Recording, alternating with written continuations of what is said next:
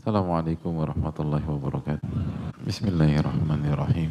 إن الحمد لله نحمده ونستعينه ونستغفره ونعوذ بالله من شرور أنفسنا ومن سيئات أعمالنا. من يهده الله فلا مضل له ومن يضلل فلا هادي له.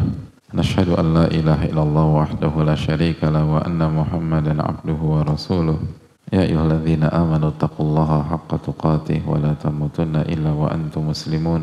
يا أيها الناس اتقوا ربكم الذي خلقكم من نفس واحدة وخلق منها زوجها وبث منهما رجالا كثيرا ونساء. واتقوا الله الذي تساءلون به والأرحام. إن الله كان عليكم رقيبا. يا أيها الذين آمنوا اتقوا الله وقولوا قولا سديدا. يصلح لكم أعمالكم ويغفر لكم ذنوبكم. ومن يطع الله ورسوله فقد فاز فوزا عظيما. Amma ba'du hadirin yang Allah muliakan Alhamdulillah kita panjatkan puji dan syukur kita kepada Allah subhanahu wa ta'ala Atas nikmat yang Allah berikan kepada kita.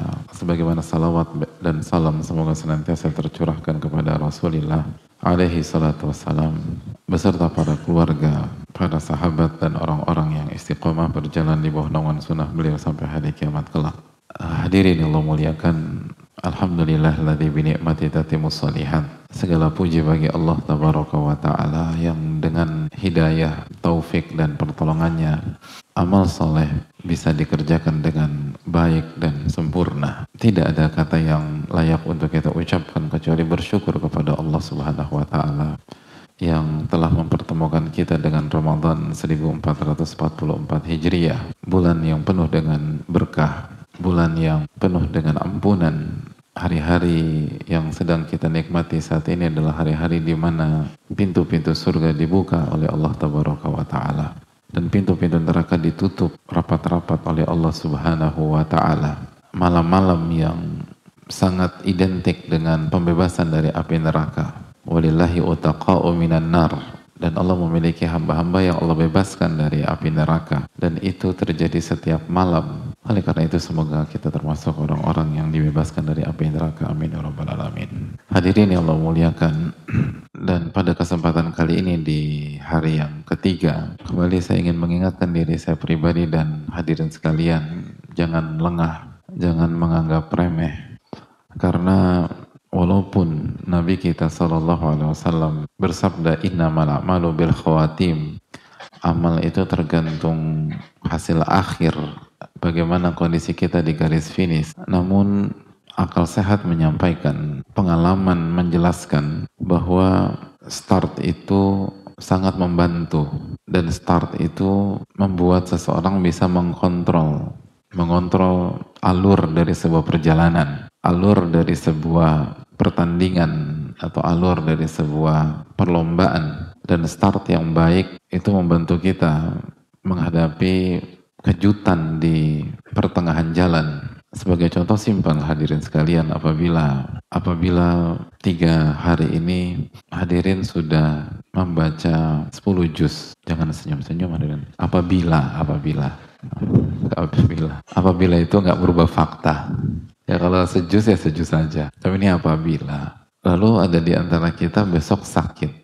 Harus bed rest. Lalu lusa sakit juga. Dan sampai lima hari ke depan sakit.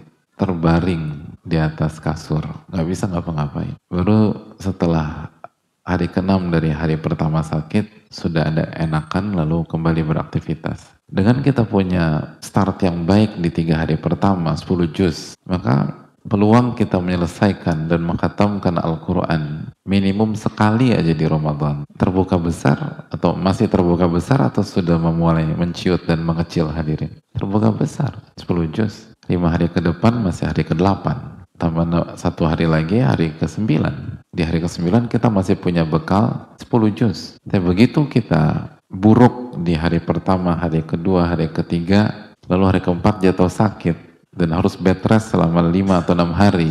Lalu kita mulai fit lagi di hari ke-10.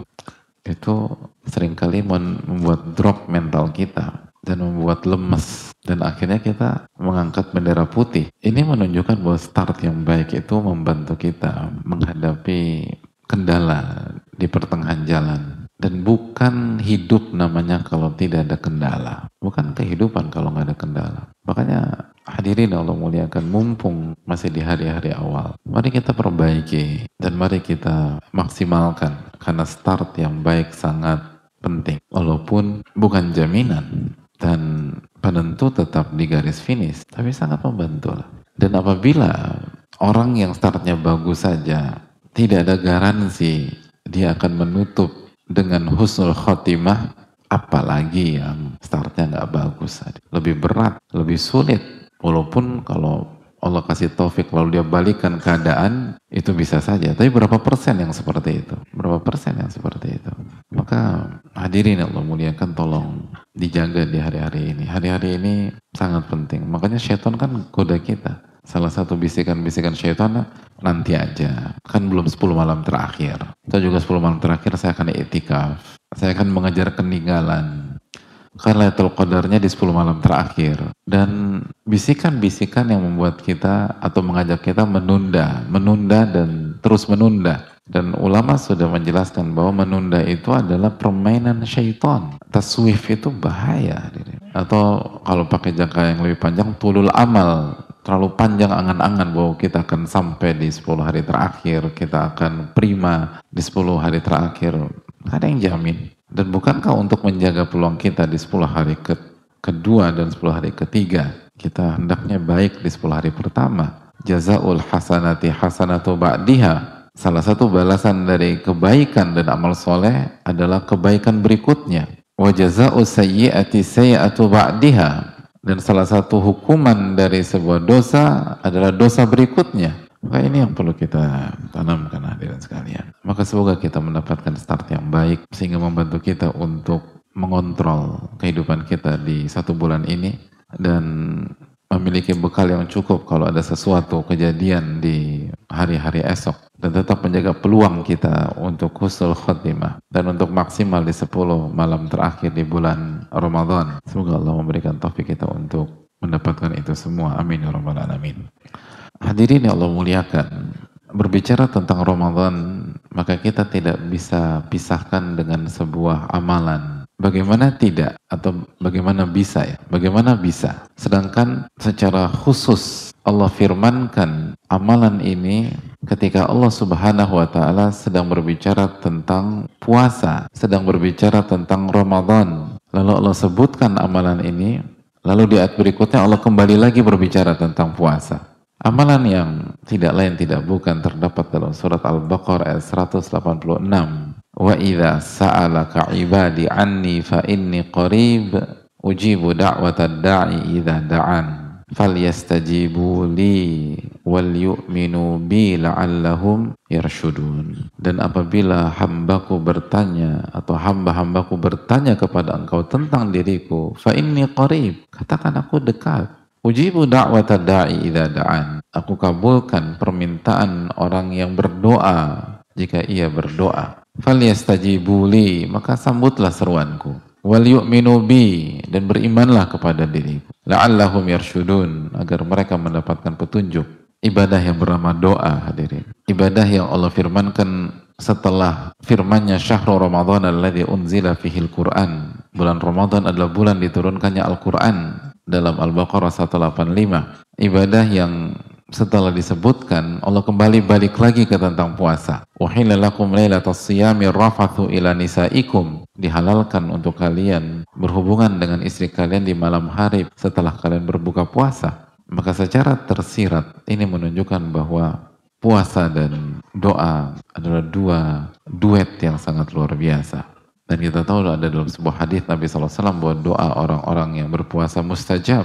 Doa orang yang berpuasa diijabah oleh Allah Tabaraka wa Ta'ala. Maka salah satu amalan sekali lagi yang hendaknya kita kerjakan di bulan Ramadan ini adalah memperbanyak berdoa kepada Allah Subhanahu wa taala. Itu poin. Dan di waktu yang sama, Ramadan atau puasa Ramadan pun tidak bisa dipisahkan dengan Al-Qur'anul Karim. Sebagaimana ayat ke-185, Syahrul Ramadan alladhi unzila fihil Qur'an hudan linnas mubayyinat minal huda wal furqan. Bulan Ramadan adalah bulan diturunkannya Al-Quran sebagai hidayah, sebagai keterangan dari hidayah dan pembeda antara yang hak dan yang batil. Jadi ayat 185 Allah berfirman dan berbicara tentang hubungan antara Ramadan dengan Al-Quran. Lalu ayat 187, eh, ayat 186 Allah berfirman tentang berdoa. Jadi ayat 185 Ramadan dengan Quran. Lalu ayat 186 Allah berfirman tentang berdoa. Jadi ini tentang doa dan Al-Quran. Jelas hadirin. Loh katanya doa kesedihan Pak Ustadz.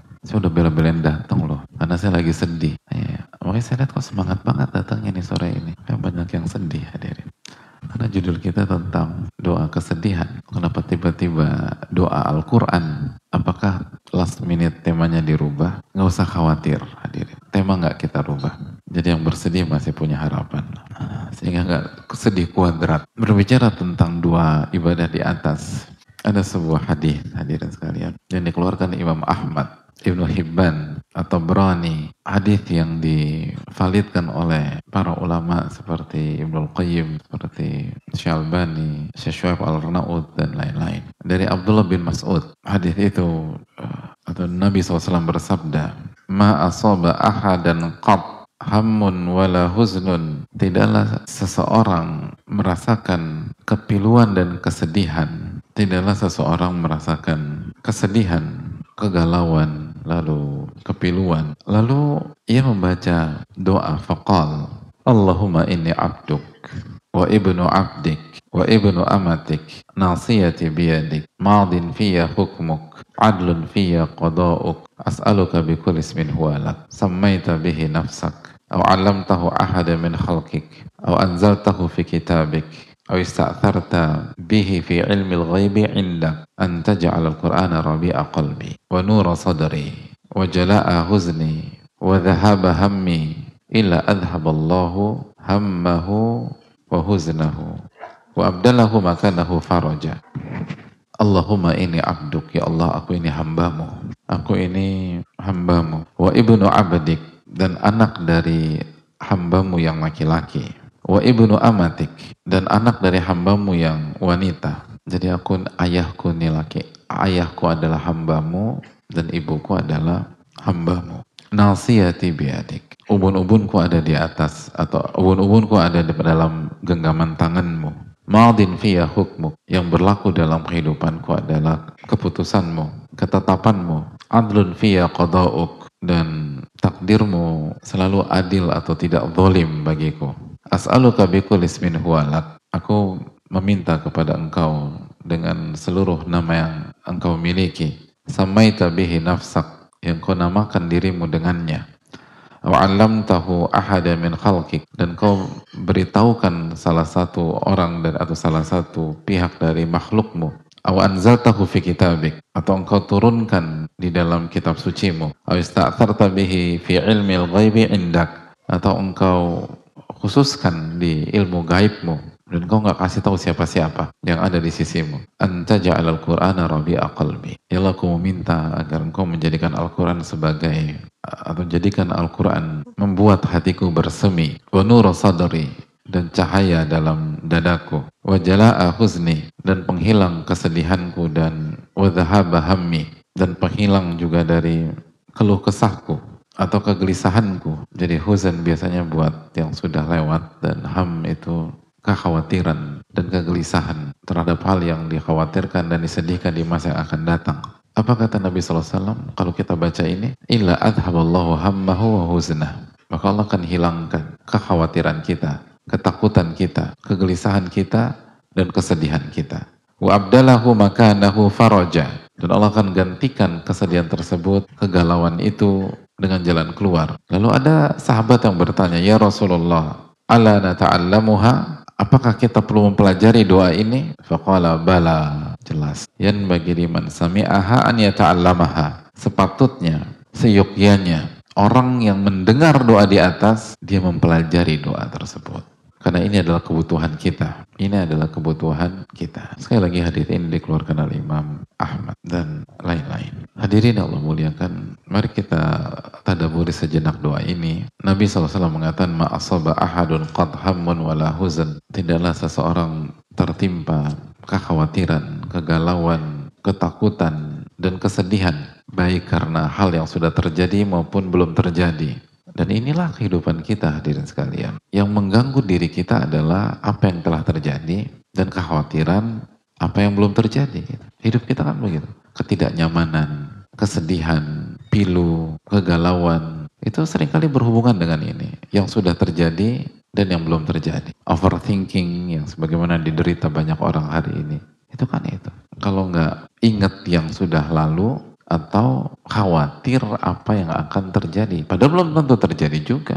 Dan kalau terjadi belum tentu semenakutkan yang ada dalam pikiran kita dan belum tentu menyedihkan juga. Tapi itulah manusia, lemah. Wa khuliqal insanu dha'ifa. Manusia itu diciptakan dalam kondisi lemah, kata Allah. Dalam surat An-Nisa ayat 28. Dan salah satu yang menunjukkan bahwa kita ini lemah sekali hadir itu tadi. Kita sering kali tenggelam dalam memori masa lalu, atau kekhawatiran apa yang akan terjadi di masa depan. Dan itu masalah keseharian kita, ketakutan gitu, kekhawatiran, kesedihan. Orang trauma kenapa? Kan ingat masa lalu, sebuah kejadian di masa lalu. Akhirnya berdampak sampai hari ini. Dan itu pengobatannya susahnya minta. Makanya kata Nabi SAW, Yan bagi diman sami'aha an yata'allamaha. Seyogyanya orang yang mendengar doa di atas, ia hendaknya pelajari doa tersebut. Penting doa. Sangat penting. Karena itulah kehidupan kita, itulah keseharian kita. Kalau nggak diuji memor hal buruk di masa lalu, hal yang menyedihkan di masa lalu, hal yang mengecewakan di masa lalu, atau kekhawatiran akan masa depan. Ya nggak sih hadirin? Nah, ya nggak pernah ngalamin ini coba angkat tangan, angkat tangan. Saya kasih hadiah. Mana? Ya, udah kelihatan dari muka-mukanya udah kelihatan. Nah, kalau Pak Ustadz ya sama kita juga. Hidup kita begitu dah dan bisa kita bisa nangis sendiri gitu. Ingat-ingat yang dulu. Dan bukan nangis tobat. Kalau nangis tobat bagus. Ini enggak. Cuma sedih aja. Lalu ketakutan. Dan banyak. Ada yang ketakutan masalah kerjaan. Dapat kabar akan ada pengurangan pegawai. Ketakutan. Padahal jelas-jelas. Dalam lauhil mahfud kita nggak termasuk yang diberhentikan. Dan dalam list yang ada di tangan bos kita nggak ada nama kita. Tapi kita nggak bisa tidur dan yang ada dalam list itu pada tidur semua. Gitu. Itu overthinking itu begitu kan. Kita nggak, padahal jelas kita nggak ada. Yang kita mikir nanti gimana, gimana makan, gimana nasib saya ke depan. Yang jomblo gimana jodoh, mikir aja. Yang wanita udah kepala tiga, selalu. Yang pernah gagal trauma untuk nikah lagi, gara-gara mikirin yang sebelumnya. Pokoknya hidup kita gitu deh. Nah, maka ia hendaknya baca. Allahumma ini abduk Ya Allah aku ini hambamu. Wa ibnu abdik.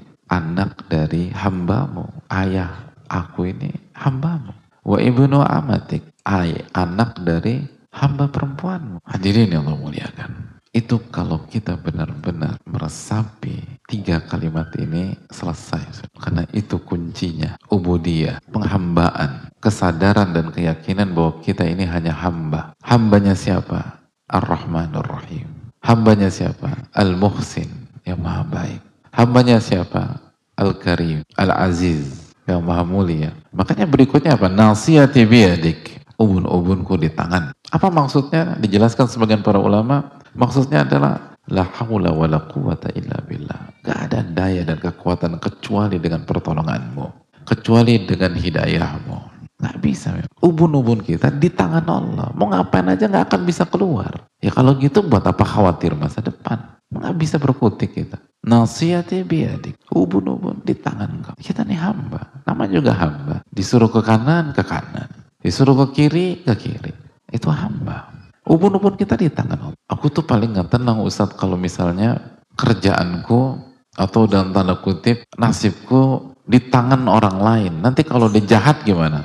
Iya, setuju. Makanya ini kalimat tidak mengajak kita dan mengajak kita ke makhluk. Kalau kita ketergantungan dengan makhluk, setuju, nggak bisa dipegang orang itu. Manusia dipegang susah. Innahu kana zaluman jahula. Manusia itu mayoritasnya zolimnya minta ampun, bodohnya luar biasa. Makanya jangan jadi hamba manusia. Jangan jadi hamba dunia. Kalau dunia, dunia mal'unah. Dunia itu terlaknat, kata Nabi SAW.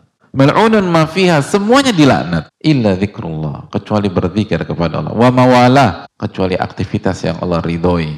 Wa alim wa muta'allim, dan orang yang berilmu dan orang yang belajar ilmu. Jangan jadi hamba dunia. Jangan jadi budak dunia. Dunia itu terlaknat. Nabi SAW mengajarkan kita, jadi hamba Allah. Nasiyati biyadi. Ma'adin fiyah hukmuk. Ma'adin fiyah hukmuk.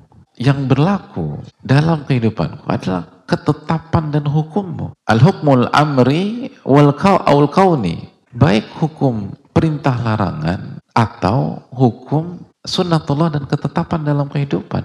Apakah kita dapat sesuatu atau tidak? Yang berlaku dalam kehidupan kita bukan ego kita. Yang berlaku dalam hidup kita bukan nafsu kita. Dan yang berlaku dalam kehidupan kita bukan keinginan kita. Wa matasyauna illa ayyasha Allah.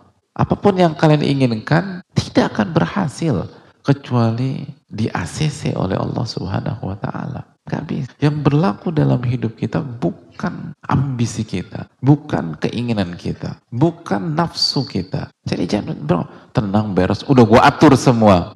bukan anda yang atur. Madin fiya hukmuk yang berlaku adalah ketetapan engkau ya Allah. Aku dapat ini, aku nggak dapat itu, itu ketetapanmu yang berlaku. Ya aku berusaha, tapi apakah pasti dapat? Enggak. Aku berjuang, tapi apakah aku pasti meraihnya? Enggak. Dan ada banyak kasus, nggak dapat. Dan di waktu yang sama, ada orang nggak pakai perjuangan dapat. Ada banyak dari kita berjuang habis-habisan. Bukan satu, bukan dua, bukan tiga, bukan empat tahun. Bertahun-tahun. Tapi sampai sekarang ngeliat dua miliar dengan mata kepala sendiri nggak pernah. Satu miliar nggak pernah ngeliat. Tetangganya modalnya cuma melahirkan 10 miliar. Gitu. Anak orang kaya, mana effort? Gitu. Effortnya cuma bantu ibunya prosesi kelahiran udah. Pakai air ketuban, itu aja udah. Begitu lahir semua ada. Oh zolim dong Ustadz. Enggak. Karena itu bukan parameter kebahagiaan. Karena itu bukan parameter kesuksesan. Apa parameter kesuksesan? Faman zuhzi anin nar wa udkhilal jannata faqad faz. Dalam Ali Imran ayat 185. Barang siapa yang di, di barang siapa yang dijauhkan dari neraka dan dimasukkan ke surga, dia yang sukses. Dia pemenang, bukan bukan yang banyak duit. Tapi kembali lagi, madin fiya hukmuk, adlun fiya qada'u. Apa maksudnya adlun fiya qada'u? Takdirmu selalu berjalan di bawah kemaha bijaksanaanmu ya Allah. Jadi takdirmu kepadaku itu selalu berjalan di bawah kebijaksanaanmu. Alaihissallahu bi ahkamil hakimi. Bukankah Allah pemutus yang maha bijak dan paling bijak. Ini yang perlu kita Jadi kesedihan, kegalauan, kekhawatiran itu nggak ada hubungannya ternyata dengan masa lalu kita dan apa yang akan terjadi di masa depan. Kalau kita yakin ini, kesedihan, kekhawatiran ini berkaitan dengan keimanan, keyakinan dan kesadaran bahwa kita hanya hamba, bahwa kita hanya hamba. Hadirin yang Allah muliakan, apabila hadirin kehilangan mobil, kuda jingkrak di rumah misalnya. Punya tiga, tiga-tiganya hilang. Saya ingin tanya. Dan pada saat kejadian, ART kita lagi menjalankan tugasnya di halaman belakang. Emang tugasnya di halaman belakang. Hilang di, di garasi. Begitu sadar tiga mobil hilang, saya ingin tanya, ART kita terpukul apa enggak? Yang pingsan siapa? Yang terpukul, kenapa ART enggak pingsan? Hadirin, itu ART apalagi hamba, itu ART itu di atas hamba dalam strata sosial. ART masih punya hak milik, hamba nggak punya. Kalau kita benar-benar yakin bahwa kita hamba Allah, kita nggak akan terpukul dengan kehilangan. Yang jadi masalah, kita secara lisan mengaku hamba, tapi keyakinan bos. Makanya rapuh. Iya, kita ini hanya hamba Allah. Pak, pabrik di Garut kebakar. Kebakar. Katanya hamba. Kalau hamba mah biasa aja. Pernah lihat obrolan ART-ART lagi nyuci-nyuci di dapur ketika tahu apa harta majikannya hilang 30 miliar, santai aja kan. Iya tahu tuh bapak sambil nyuci gitu. Kenapa tuh? Ha? Iya, hilang tuh uangnya. Oh iya ya, gitu. ternyata orang kaya bisa drop juga ya. Iya, aku juga bingung gitu loh. Jadi mereka tuh biasa aja karena ada itu ART. Gimana hamba?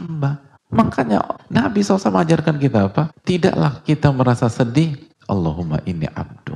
Wa ibnu abdik. Wa ibnu amatik. Jadi solusinya bukan ngilang pergi ke mana-kemana. Bukan. Kita mau pergi ke mana pun kalau kita merasa bos tetap aja sakit hati. Tapi begitu sedih, galau, di rumah aja nih, rumahnya 4L itu, lu lagi lu lagi, yang ruangannya cuma satu, tapi kita yakin bahwa kita ini hamba. Dan yang berlaku dalam kehidupan kita adalah ketetapan Allah, bukan bukan logika kita, bukan aturan kita, bukan uh, intuisi kita. Allah. Dan siapa Allah? Adlun fiya qada'uk. Allah adalah Rob yang apabila menetapkan ketetapannya selalu berjalan dengan kebijaksanaan. Karena Allah ahkamul hakimin. Yang membuat kita terpukul karena ketidakberimanan kita. Yang membuat kita terpukul karena ketidakmengertian kita terhadap ketetapan Allah secara syariat dan ketetapan Allah secara kauni dan takdir.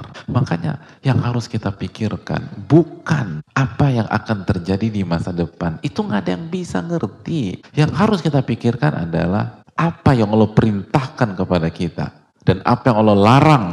Yang harus kita pikirkan adalah do's and don'ts dalam kehidupan. Lalu di waktu yang sama kita yakin kalau kita sudah kerjakan do's and don'ts dari Allah Subhanahu wa taala, perintah dan larangan dari Allah Subhanahu wa taala, Lalu Allah takdirkan sesuatu, maka adun fia qada'uk. Pasti bijak. Kalau nyesek, salah kita. Kenapa nggak ngerti? Kenapa nggak meresapi? Pasti bijak. Atau melihat kisah Nabi Yusuf hadir. Itu temannya lupa kasih tahu. Yang akhirnya beliau harus ke, ke, lebih lama lagi di dalam penjara. Tapi ternyata itulah kemahabijaksanaan Allah Subhanahu wa taala. Karena dengannya di masa yang berikutnya beliau dapat akses langsung untuk bicara. Kalau temannya ingat, beliau akan dilepaskan dan tidak punya akses kepada raja. Tapi sabar, udah disuruh berhenti. Adlun fiya qada'uk. Insya Allah bijak ini, walaupun kita disuruh berhenti. Tapi masih ada waktu, tenang aja. Jadi hadirin Allah muliakan. Sampai mana lagi? Oh, ya. Jadi hadirin yang semoga Allah muliakan. Makanya apa kata Allah Subhanahu wa taala ketika Allah berfirman tentang kekasih-kekasihnya. Masih ingat surat Yunus ayat 62 dan 63. Ala inna awliya Allahi la khawfun alaihim walahum yahzanun. Ketahuilah wali-wali Allah. Tidak ada rasa takut secara duniawi. Dan tidak ada rasa sedih. Alladzina amanu wa kanu yatakun. Siapa yang nggak nggak ada rasa itu? Di ayat ke-63-nya Allah berfirman, Alladzina amanu wa kanu yattaqun. Itu orang-orang yang beriman dan orang-orang yang bertakwa kepada Allah Subhanahu wa taala. Ternyata kesedihan itu berkaitan dengan iman, bukan punya duit atau nggak punya duitnya kita sekarang. Ternyata kekhawatiran itu berkaitan dengan iman, bukan status kita jomblo sejati itu hadirin sekalian, bukan. Antum jadi jomblo sejati nggak akan buat antum khawatir. Selama antum punya iman. Yang bikin kita khawatir itu ketika kita kekurangan iman. Makanya diajar. Nasiyati biad. Madin fiyya hukmuk wa adlun fiyya qada'uk. Lalu Nabi SAW melanjutkan. As'aluka. Ya Allah aku meminta kepada engkau. Bikulis min huwalak. Dengan seluruh nama-nama yang kau miliki. Samaita bihi nafsak yang kau namai dirimu dengan aw tahu ahada min khalqik atau nama yang kau beritahu salah satu dari makhlukmu, bisa malaikat, bisa para nabi dan suat. Lalu diajarkan kepada para aulia. Au tahu fi kitabik. Atau engkau turunkan di dalam kitab suci. Di dalam Al-Quran. Nama nama Allah dalam Al-Quran. Kita minta semuanya gitu. Semua, semua nama di dalam Al-Quran.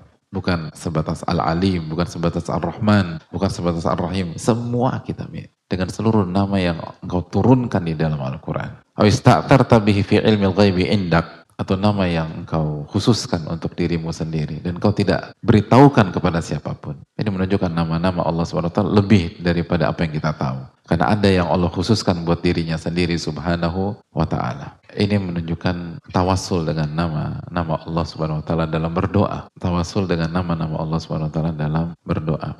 Dan ini salah satu tawasul yang disyariatkan. Kita meminta kepada Allah dengan menyebutkan namanya dan disarankan yang sesuai dengan konteks. Misalnya, Ya Rahman, sayangilah aku. Ya Rozak, berikanlah aku rizki.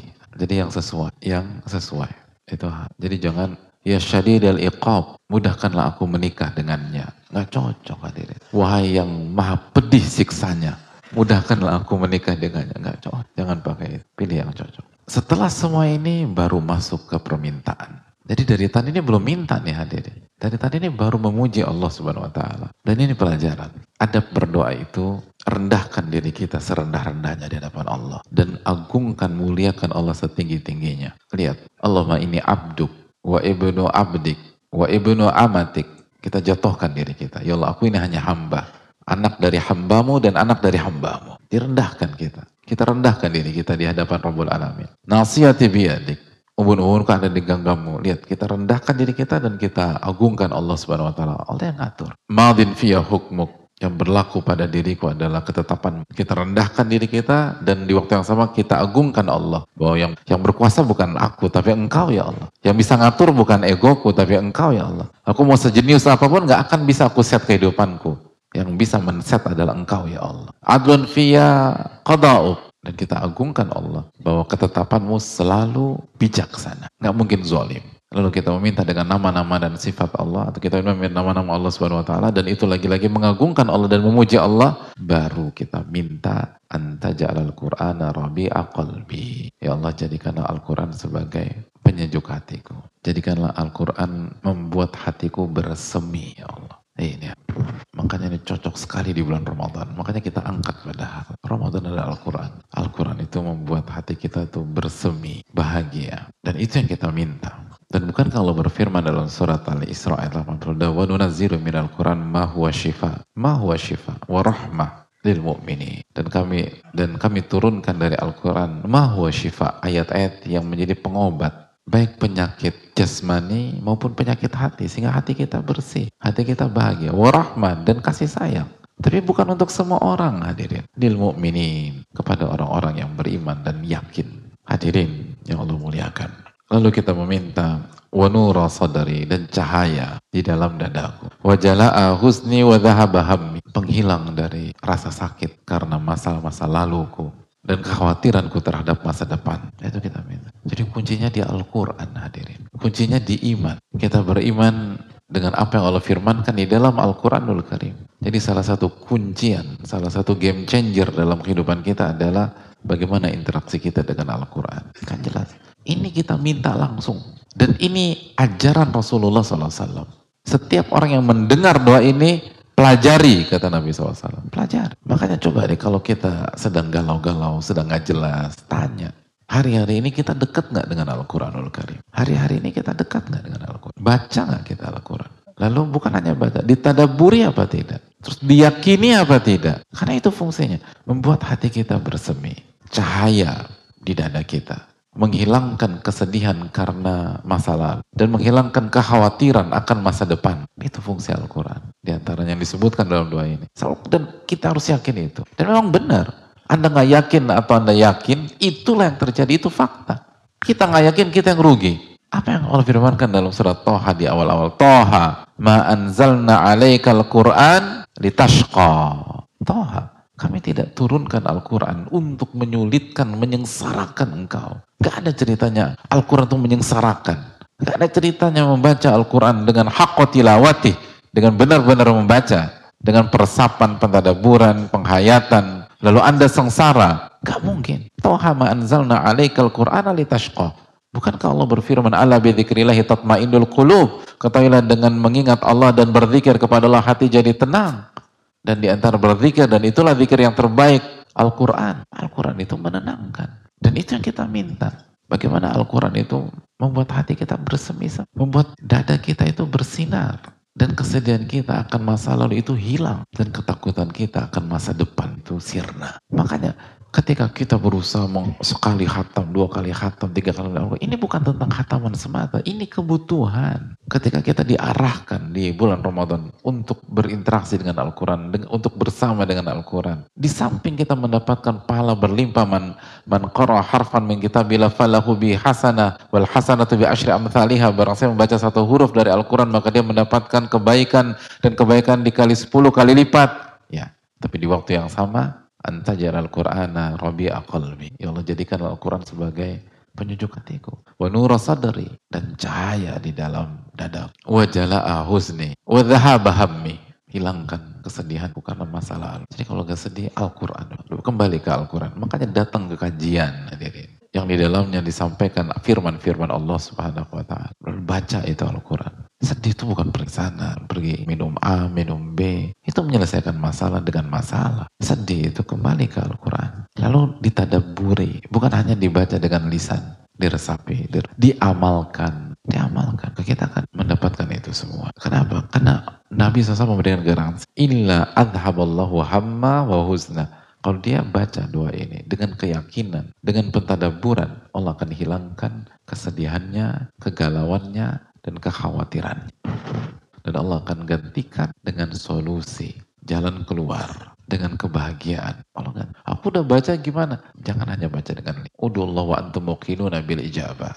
Mintalah kepada Allah dalam kondisi yakin akan diijabah. Wa'lamu dan ketahuilah annallaha la yaqbalu du'aan min qalbin ghafilin lahin. Ketahuilah Allah tidak akan menerima doa yang dipanjatkan dari hati yang lalai. Yang jadi masalah pada saat kita doa, hati kita lalai. Jangan cepat sampai. Ketika kita baca Allahumma ini abduk seniham wa ibnu abdik wa ibnu amatik nasiyati biyadik la haula wala quwata illa la haula wala enggak ada daya dan kekuatan ke pertolongan serahkan semua kepada Allah wa man yatawakkal 'ala Allah fa huwa hasbuh barang siapa yang bergantung kepada Allah Allah akan cukupkan Allah kan madin fiyah hukmuk yang berlaku itu ketetapanmu coba pelajari ketetapan Allah secara syar'i dan pelajarilah konsep bagaimana beriman kepada takdir. Apa yang Allah perintahkan, apa yang Allah larang, kerjain. Jangan banyak mikir, jangan banyak mikir. Makanya yang membuat kita banyak berantakan itu kan kebanyakan mikir, kurang zikir. Itu salahnya. Yang harus ditambah itu zikirnya. Mikir penting. Jangan nggak pakai mikir. Pakai mikir tapi proporsional gitu. Dan semuanya dipikir. Bukan begitu cara hidup. Yang harus kita pikirkan kita udah bener sesuai dengan perintah Allah atau belum? Ada nggak larangan Allah yang kita langgar? Nah itu dipikirin. Bener nggak nih? Karena yang berlaku dalam kehidupan saya ketetapan Allah bukan ego saya bukan kepentingan saya bukan ambisi saya ketetapan Allah yang berlaku kalau itu maka kita akan longgar. Itu yang perlu camkan. Dan Ramadan adalah momentum untuk kembali kepada Al-Quranul Karim. Makanya Dhunnun mengatakan mal'unsu billah. Apa sih yang membuat orang tuh nyaman ketika bersama Allah Subhanahu wa taala? Dhunnun mengatakan ala ilmu Al-Quran. Orang itu baru dikatakan nyaman dengan Allah itu kalau hidupnya penuh dengan ilmu dan dengan Al-Quran maka dia akan menikmati maka dia tidak akan tertekan dengan ketetapan Allah Subhanahu wa taala Allah taala bisawab dan terakhir hadirin sekalian Al Hasan Al Basri mengatakan tafaqqadul halawata fi talat carilah kelezatan hidup itu tiga hal fis sholat dalam sholat wa fil Quran dan dalam Al Quran wa fi dzikr dan dalam berzikir kepada Allah fa in wajadtumuha apabila kalian mendapatkan kenikmatan dari tiga hal itu, lanjutkan. Wa abshiru, bergembiralah. Fa illam tajiduha fa'lam anna babaka mughlaq. Tapi kalau Anda nggak mendapatkan kenikmatan pada saat Anda sholat, pada saat Anda bersama Al-Quran, pada saat Anda berzikir, ketahuilah pintu untuk Anda itu tertutup pintu untuk Anda. Ter, kalau kita tidak menikmati sholat, kalau kita tidak menikmati Al-Quran, kalau kita tidak menikmati zikir, pintu tertutup sekaya apa pun kita, seterkenal apa pun kita, setampen apa pun kita, secantik apa pun kita, pintu tertutup dan gak akan bahagia. Karena itu ini Ramadan, ini bulan Al-Quran, ini bulannya berdoa, perbanyak berdoa dan perbanyak membaca Al-Quranul Karim. Semoga Allah memberikan taufik kepada kita. Saya rasa cukup sampai di sini dan mungkin kita buka satu, dua, tiga menit untuk kasih tanya jawab. Assalamualaikum bismillah. Warahmatullahi Semoga Allah merahmati Ustadz Nuzul, sekeluarga dan tim. Semoga Allah merahmati kaum muslimin semua. Amin ya rabbal alamin. Begitu juga yang bertanya. Ustadz mau tanya tentang doa itu ya Ustadz. Hati senang dengar bahwa Allah jawab doa-doa hambanya. Tapi setelah berdoa sekian lama kok belum juga dijawab. Akhirnya jadi sedih. Jadi sedih lagi kita nih. Sedih gitu karena doanya belum juga dijawab. Gimana ya Ustadz apa terus berdoa? Kan malah jadi tambah-tambah sedih. Ada rasa putus asa jadinya terus doa lagi, nggak doa lagi, terus doa lagi. Kalau kayak gitu jadinya gimana Ustaz?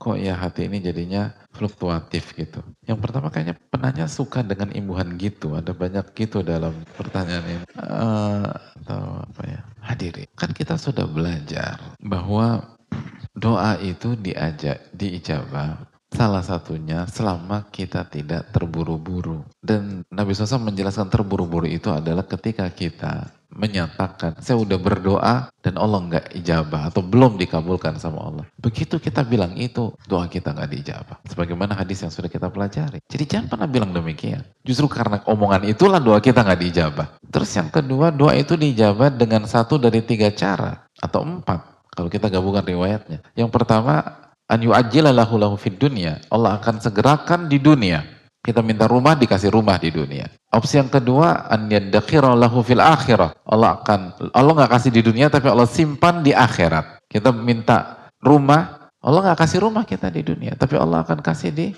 akhirat. Istana, kita punya istana di akhirat. Dan wal akhiratu khairul laka minal ula dan akhirat lebih baik daripada dunia. Jadi sebuah sebuah blunder ketika kita komplain padahal Allah udah kasih di akhirat. Itu sama saja kita minta 10 juta, dikasih 50 juta, komplain. Gimana sih? Anaknya minta 10 juta nggak dikasih. Bukannya tadi 50 juta. Aku kan minta 10 juta. Kenapa 50 juta? Nah enaknya orang kayak gitu diapain hadirin? Ya antum pikirin sendiri ya. Ini lagi puasa, pikirin aja. Jadi Anda minta 10 juta, dikasih 50 juta. Kok ngamuk? Anda minta di dunia, Allah kasih di akhirat. Kita yang baca. Wal akhiratu khairul laka minal ula. Akhirat tuh lebih baik daripada dunia. Kok marah-marah? Kok sedih? Kok sedih tuh? Itu tadi itu kayak sedih. Minta 10 juta, dikasih 50 juta. Aku sedih banget Pak. Aku terpukul. Aku kan minta 10 juta. Emang gak dikasih? Dikasih, tapi 50 juta. Sedih deh Pak Ustaz. Itu kan aneh hadirin. Ya Allah, jangan kan ini kan bahaya. Yang ketiga, Allah palingkan musibah yang seharusnya menimpa dia sesuai dengan nilai doanya. Kita minta rumah senilai 5 miliar. Nggak dapat. Tapi Allah palingkan kita dari penyakit. Ya kalau kita kena tuh penyakit, biaya pengobatannya 5 miliar. Dalam riwayat, Allah akan gugurkan dosa kita senilai dengan permintaan kita. Itu mana nggak dikabulkan? Terus jawaban yang terakhir, kan tadi kita udah ajarin, ajarin. Doa ini dimulai dengan kalimat apa? Allahumma inni abduk. Ya Allah aku ini hamba. Hamba tuh nggak ngotot. Hamba itu pasrah. Kita ngotot. Habis nggak di, nggak dikabul-kabulin. Itu ngotot. Hamba itu terima, tenang. Kenapa? Karena ia tahu ia meminta kepada ah kamu hakim. Kalau permintaannya nggak dikabulkan, pasti diganti dengan yang lebih baik. Karena Allah yang maha bijak. Gak mungkin dizolim, gak mungkin. Allah Ta'ala alam.